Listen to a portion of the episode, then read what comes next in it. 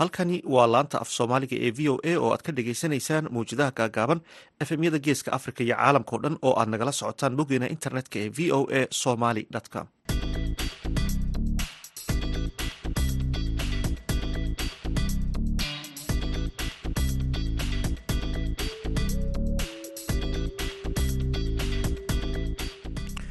duhur wanaagsan dhegeystayaal waa kowdii barkii duhurnimo xilliga geeska africa iyo lixdii barkii aruurnimo. Xiliga washington waa maalin khamiisa afarta bisha agost labada kun labaiyo labaatanka. Idaacadda duhurnimo ee barnaamijka dhallinyarada maantana waxaa idinla socodsiinaya anigoo ah xuseen bare aadan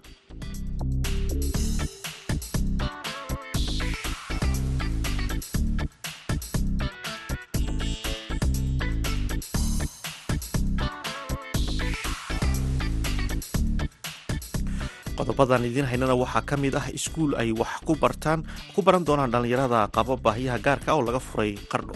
Darabtayna noo tahay inaan ka soo qayb galno furitaanka iskuulka. Ardada baahiyaha gaarkaa qaba. Ardada baahiyaha gaarkaa qaba oo ahaa arday aan marka hore iskuul haysan. Muddo dheerna iskuulkoodu uu guri kala adeganaa oo magaalada ka furnaa inay iskuul helaan loo dhiso. Aad iyo aad baan u bogaadinaynaa waxaad sidoo kale maqli doontaan toddobaatan dhallinyaro ah oo shaqola-aan ku wajahay dhadhaab kadib markii ay goobtoodii ganacsi ka gubatay. Sidoo kale waxaa barnaamijka qayb ka ah heesihii iyo ciyaarihii. Marka horese waxaad ku soo dhawaataan warkii dunida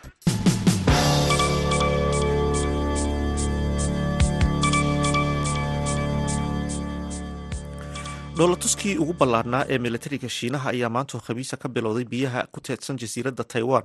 Kadib markii ay soo idlaatay booqashadii ay nancy belosi oo ah afhayeenka aqalka wakiilada maraykanka ay ku joogtay taiwan.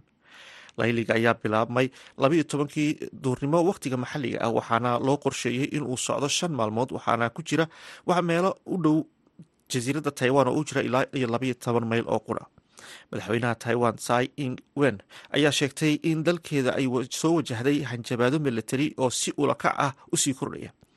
Nancy belosi ayaa ka tegtay taiwan arbacadii shalay kadib booqasho gaaban oo muran badan dhalisay oo ay ku tagtay jasiiradda oo uu shiinuhu u arko qayb ka mida dhulkooda. Iskudaygii ugu dambeeyey ee lagu doonayo in lagu soo nooleeyo heshiiskii ee iiraan iyo shanta xubnood ee joogtada ee golaha ammaanka iyo jarmalka ayaa maanta ka bilaabmaya vienna arrintan ayaa imanaysa iyada oo wadahadalladan ay hakad ku jireen shantii bilood ee la soo dhaafay. Diblomaasiyiinta ayaa sheegaya in ay rajeynayaan in la isu iman doono shirka guddiga wadajirka ah ee heshiiska nukleyerka ee vienna. Kadibna dib loo bilaabi doono geedi socodka wadahadalka afhayeenka wasaaradda arrimaha dibadda iiraan ayaa shaaca ka qaaday in kooxda wadaxaajoodka iiraan ay tegi doonaan vienna si ay u sii amba qaadaan wadaxaajoodka iyo cunaqabataynta in laga qaado iiraan iyadoo oo tahraan ay ku adkaysanayso in si hufan loo baabi'iyo cunaqabataynta saaran dalkaasi si loo gaadho heshiiska la rabo. Kooxda wadaxaajoodka ee uu hogaaminayo cali bakheri oo ah madaxii wadaxaajoodka iiraan ayaa ku wajahan vienna saacadaha soo socda wareega gorgortanka ayaa waxaa lala yeelan doonaa isku duwaha midowda yurub waxaana looga hadli doonaa fikradaha ay soo bandhigeen dhinacyada oo ay ku jiraan kuwa ay soo bandhigtay iiraan. Afhayeen u hadlay wasaaradda arrimaha dibadda iiraan ayaa xaqiijiyey go'aanka iiraan ee ah in heshiis la gaadho.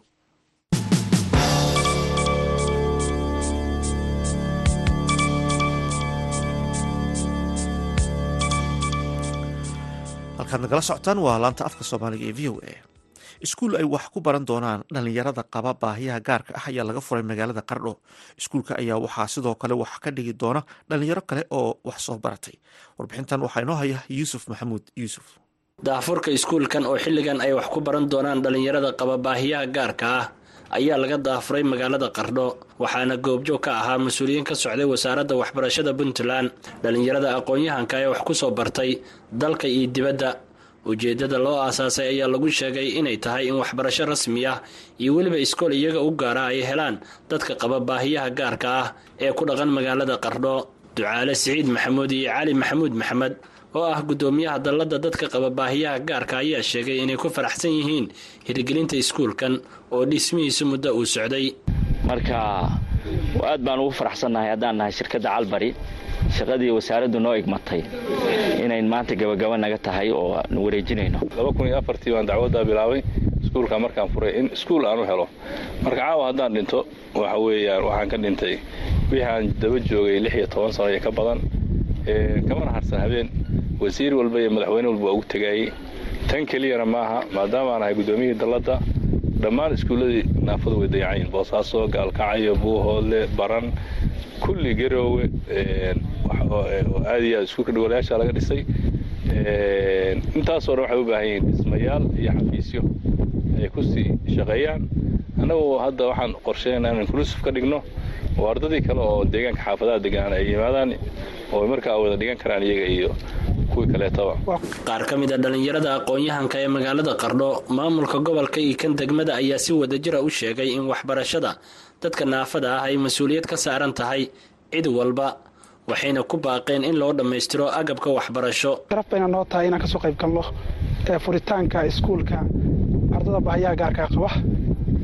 Ardada baahiyaha gaarkaa qaba oo ahaa arday aan marka hore iskuul haysan muddo dheerna iskuulkoodu uu guri kala adeganaa oo magaalada ka furnaa.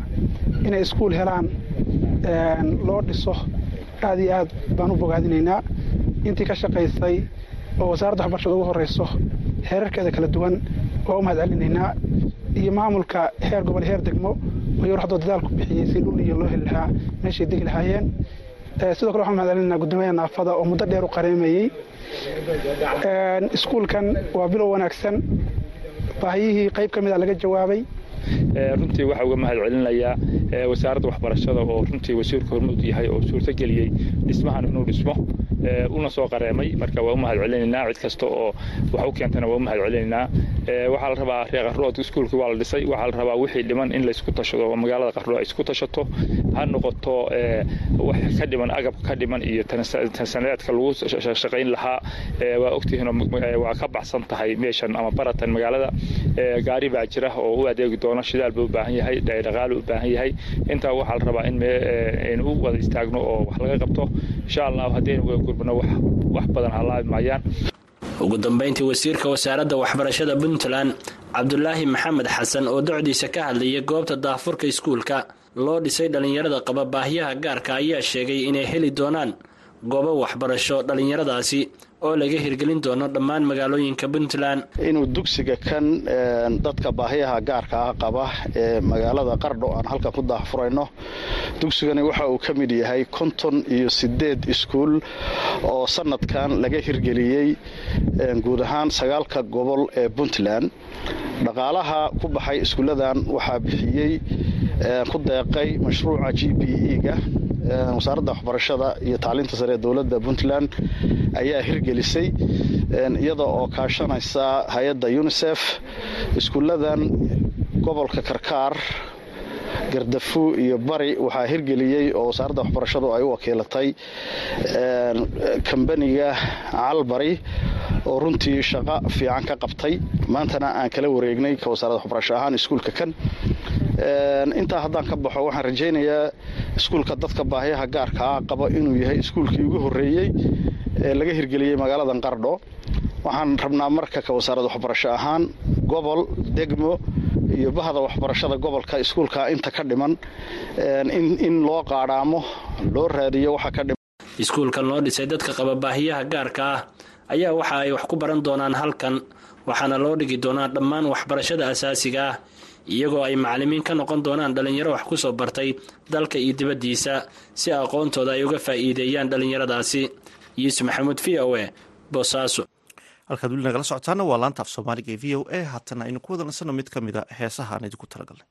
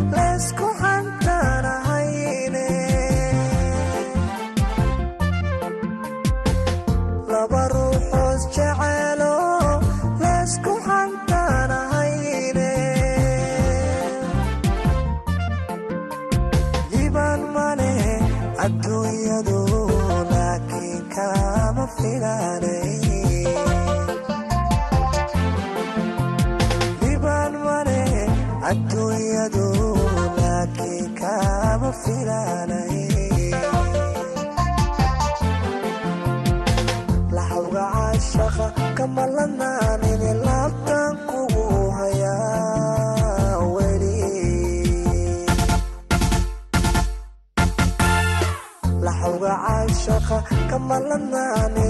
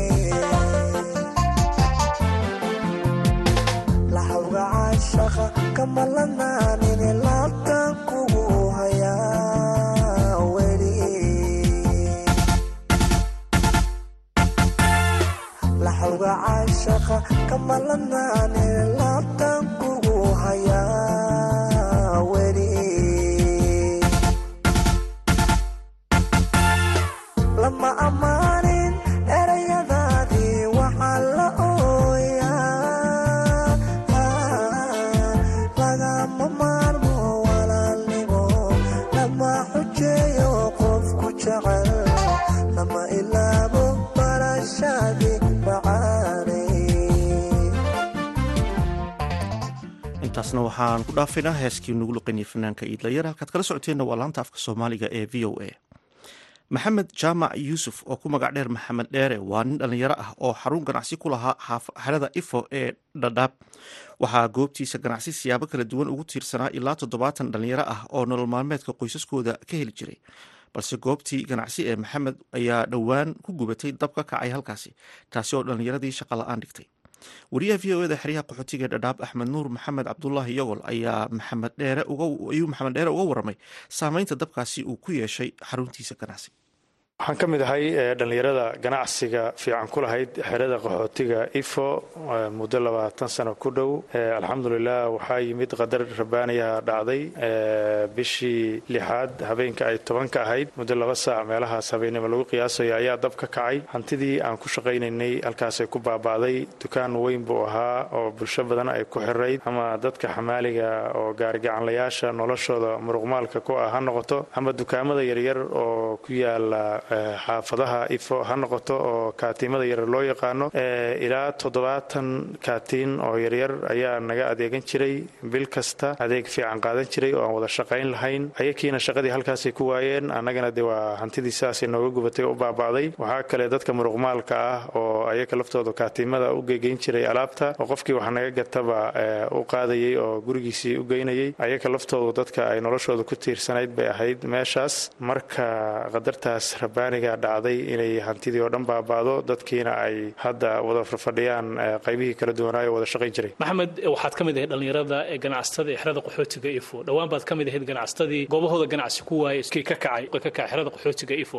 Goobtaada ganacsi marka maxaad sheegtay ilaa toddobaatan dhallinyara inay ku tiirsanaayeen. Dhallinyaradaas oo intooda badan ahaa kuwa xaasliya islamarkaana nolosha qoysaskooda ku maarayn jiray. Goobtaada ganacsi hadday tahay kuwa xamaaliya oo dadka alaabta u qaadayay haddii ay tahay kuwo kaleeto intay alaabta kaa qaataan xaafadaha gudahooda dukaamo yaryar ku oo ku gadanayay kadibna intay soo cadeeyaan markaasi faa'iidada la hadhayay lafihiina adiga kuu keenayay marka maxay tahay laga bilaabo adoo nin dhallinyara iyo dhallinyarada kale kugu tiirsanayd? Saamaynta ka dhalatay arrintan. Walaal waa su'aal wanaagsan. Dadkaas kala duwan oo isku xirnaa oo wada shaqaysan jiray de noloshoodii ilaahay baa haya laakiin hoos bay u dhacday. Ninka muruqmaalka ah oo xamaaliga ah reer buu lahaa xaas buu lahaa biil buu bixinayay. Waxa weeye dukaankaasuna ka xamaalanayay. Halkaas hoosudhac baa ku yimid. Dukaamadii ay wada shaqaynayeen oo alaabta u qaadayay oo waxa weeye ay noloshiisa boqolkii siddeetan ku xirnayd inay meeshii ka baxaan. Waa dhibaato soo gaartay qoysaskaas dadka xamaaliga ah. Midda labaad dadkii ayakana ganacsiyaasha yaryar lahaa oo alaabta qaadan jiray oo wada shaqayntu naga dhexaysay ayaka laftoodii dee bosishinkii waa gubtay meel ay ka adeegtaan waa waayeen. Laftoodii dhaqaalahoodii hoos buu u dhacay iyo tasiilaadkoodii oo dhan. Waxaana sababay dee ceelkii laga wada cabayay ayaa biyola-aan noqday maadaama hantidii baabaaday. Qoladii dukaamada yaryarna gurigoodii bay fadhiyaan oo ku shaqalaayihiin kuwii xamaaliga ahaa oo muruqmaalka ahaa oo noloshooda qoysaska iyo xaasaska ay qabaan ku maarayn jirayna ayaka laftoodu dee noloshoodii hoos bay u dhacday. Waa xaalad waxay ku jiraan ilaahay wax ka qaban karo oo aad u liidata. Marka maxamed markay timaado dhankaaga hanti intee dhan baa ku gubatay dukaankaaga? Wallaahi qiyaas markaan sameeyo adiga labiiyo toban milyan iyo siddeed boqoloo kun baan qiyaasayaa. Marka laga reebo dhulka dhisnaa oo asaga laftiisa hanti lagu dhisay oo asaga laftiisu lacaga waaweyn ay galeen laakiin lacagta caadiga ah oo anaga hadda tirakoob ahaan igu jirtay sannadkii hore xisaabta aan ku soo bilaabay. Ilaa sanadyadii sanadku markuu dhammaadaba sekadaa laska bixiyaa dukaanku xisaab iyo wuxuu leeyahay wax kala qoran. Labiiyo toban milyan iyo siddeed boqol bay ahayd oo sanadkaas hadda dukaanku gubtay wuxuu shaqeeyey iyo faa'iidooyinka noocaasa aana ku darin. Marka hanti intaa la-eg baa iga gubatay oo khasaare oo ay soo gaartay. Dhallinyaradan markii laga taga markaasi khasaarahaasi ilaahay kaaga boogadhayo dhallinyaro fara badan baad sheegtay inay goobtaada ganacsiga ay ku tiirsanayeen waxaa jiray kuwo kaleeto iyagu naftooda kuwaasi dukaamada xaafadaha ku sii tiirsanaa waxaan ognahay gudaha xerada qaxootiga ifo dhallinyaro fara badan baa markaasi waxay leeyihiin dukaamo yaryar oo nolosha qoysaskooda ay ku maareeyaan. Marka markay timaado dhallinyaradii iyaga ahaa ee markay waayeen goobtiida ganacsi ay ku tiirsanaayeen sidoo kale waxaan ognahay dhallinyaro fara badan oo shaqalaana isla xerada. Marka dhallinyaradii weli ma yihiin kuwo soo kamaya mise saamaynta kugu dhacdoo kale iyagana ay ku yeelatay arrintii? Walaal waxaan is dhihi karaa dadkaas inay aniga iga daran yihiin baan is dhihi karaa sababtoo ah annaga dee ganacsi markaa weyn baan ku jirnay saamayn ballaaran ayaa dadkaa soo wada gaartay dhammaan. Waxaan waa silsilad isku xiran weeye laga soo bilaabo factoriga wax soo saaraya ilaa dadka shacab weynaha oo wada shaqaynaya waa saamayn soo gaartay. Dadkaas ayaa annaga naga sii daran. Waxaa la dhihi karaa noloshooda dee xoogoodaas ayay qaarkood ku xirnayd. Qaar waxay ku xirnayd deymaha la siiyo oo ay soo caddeeyaan oo faa'iidadana kala haraan. Lafahana ay soo celiyaan. Ceelkii laga wada cabayay haddii la waayey meeshaas qoysas badan iyo dhallinyaro badan baa ku shaqa beelay oo farfadhiya oo hadda cid wax ka qabatay oo hay'ada oo u gurmatayna aysan jirin. Soomaalidii dee ay ku xirnaayeen oo ganacsiga fiican lahaana ayakiina ay meesha ka baxeen. Halkaas arrin khatara oo waxaa ka jirta dee qof caqli leh ama wax garanaya uu miisaami karo. Qoysas dhan baa waxa weeye noloshoodii o dhan hoos u dhacday.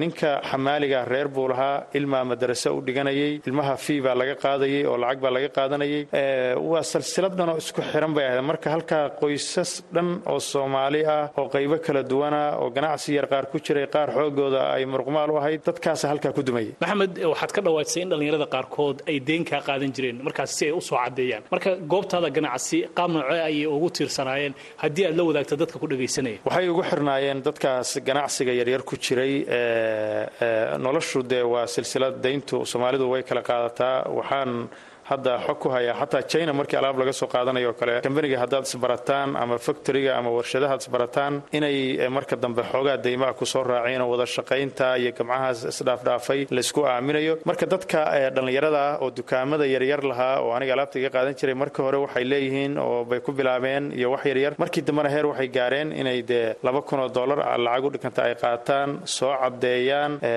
ayakuna markaa faa'iidadii ay kala haraan annagana ay lafaha noo keenaan noloshoodu markaa kor bay u soo kacday heer waxay marayeen ay level fiican dadku waxaa liyi waa dabaqada hoose iyo dabaqada dhexe iyo dabaqada sare. Markan dabaqada dhexe ayay ku soo dhowaayeen oo level fiicana tii oo dhan marka hadda hawaday ka baxday maadaama wada shaqayntii annagana laga heri jirayna laga waayey hantidiina naga gubatay ayakiina halkaasay shaqadii kaga istaag kaasi waxau ahaa ganacsade maxamed jaamac yuusuf maxamed dheere oo u waramayay wariyaha v o eda maxamed cabdulaahi iyagol halkaad kala socotaana waa laanta af soomaaliga v o a. Haatanna ku soo dhowaada xubintii ciyaaraha waxaa inoo haya maxamuud mascade.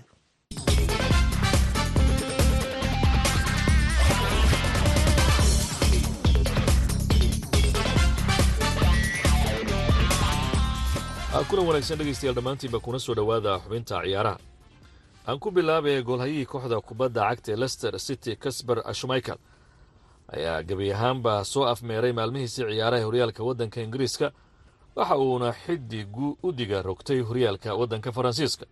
Oo waxauu heshiis la galay kooxda kubadda cagta ee niis inkastoo aan la shaacinin qiimaha uu kooxda ugu kacay iyo muddada uu kooxda la joogayo. Haddana waxa ay wararku sheegayaan in xidigu heshiis dheer oo sannado ah uu u saxiixay kooxda kubadda cagta ee niis ee waddanka faransiiska. Ciyaaryahan casber shmichael ayaa waxa uu ka mid ahaa lafdhabarka kooxda kubadda cagta ee lester city iyo hogaamiyaashii suuro geliyey in ay kooxdu ku guulaysato horyaankii lama filaanka ahaa ee sannadkii labada kun lix iyo tobankii kaasi oo kooxdu hantisay horyaalka waddanka ingiriiska. Sannadka kii ka horreeyey ay kooxdu ku sigatay inay ku simbiriraxato horyaalka labaad ee waddanka ingiriiska kaasi uun sannad ka hor ay ka timid. Laakiin hanashadii horyaalka waddanka ingiriiska ee lester city ayaa ahaa taariikh aan horyaalka dalkaasi waayihii dhowaa ka dhicinin. Ciyaaryahankan ayaa dad badan rumaysan yihiin kooxda lester city inay tabi doonto marka la eego dhinaciisii hogaaminta iyo weliba kulamada qaarkood oo uu keligii u badin jiray. Ciyaaryahan casber shmichael ayaa dhanka kale waxa uu yahay kabtanka xulka qaranka ee denmark waxaana xidigu uu sidoo kale yahay lafdhabarka qarankiisa. Sannadkii labada kun koob iyo labaatankii sidoo kale kooxda lester city koobka f a kaabka ayuu xidig u hantiyey niis iyo taageerayaashooduna waxay ka filayaan inuu wax badan ku soo kordhin doono.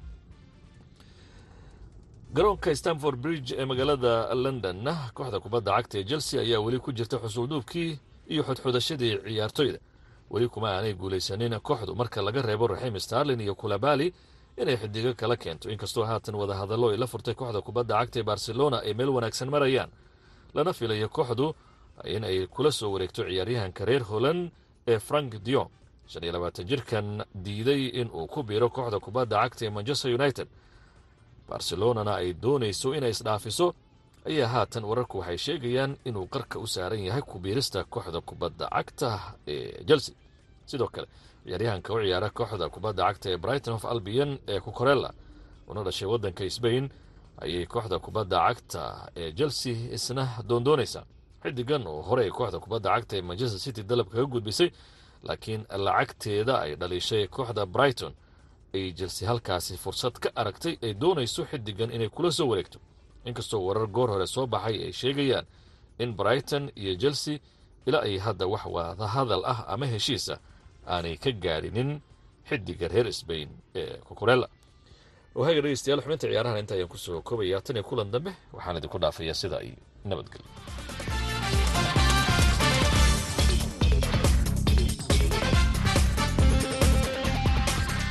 aad ayuu mahadsan yahay maxamuud mascade oo inala socodsiinaya xubintaasi ciyaar halkaad kala socoteen waa laanta af soomaaliga v o a oo si toosa idinka imanaysa washington. Haatanna aynu ku wada nasanno mid ka mid a heesahan idinku talagalnay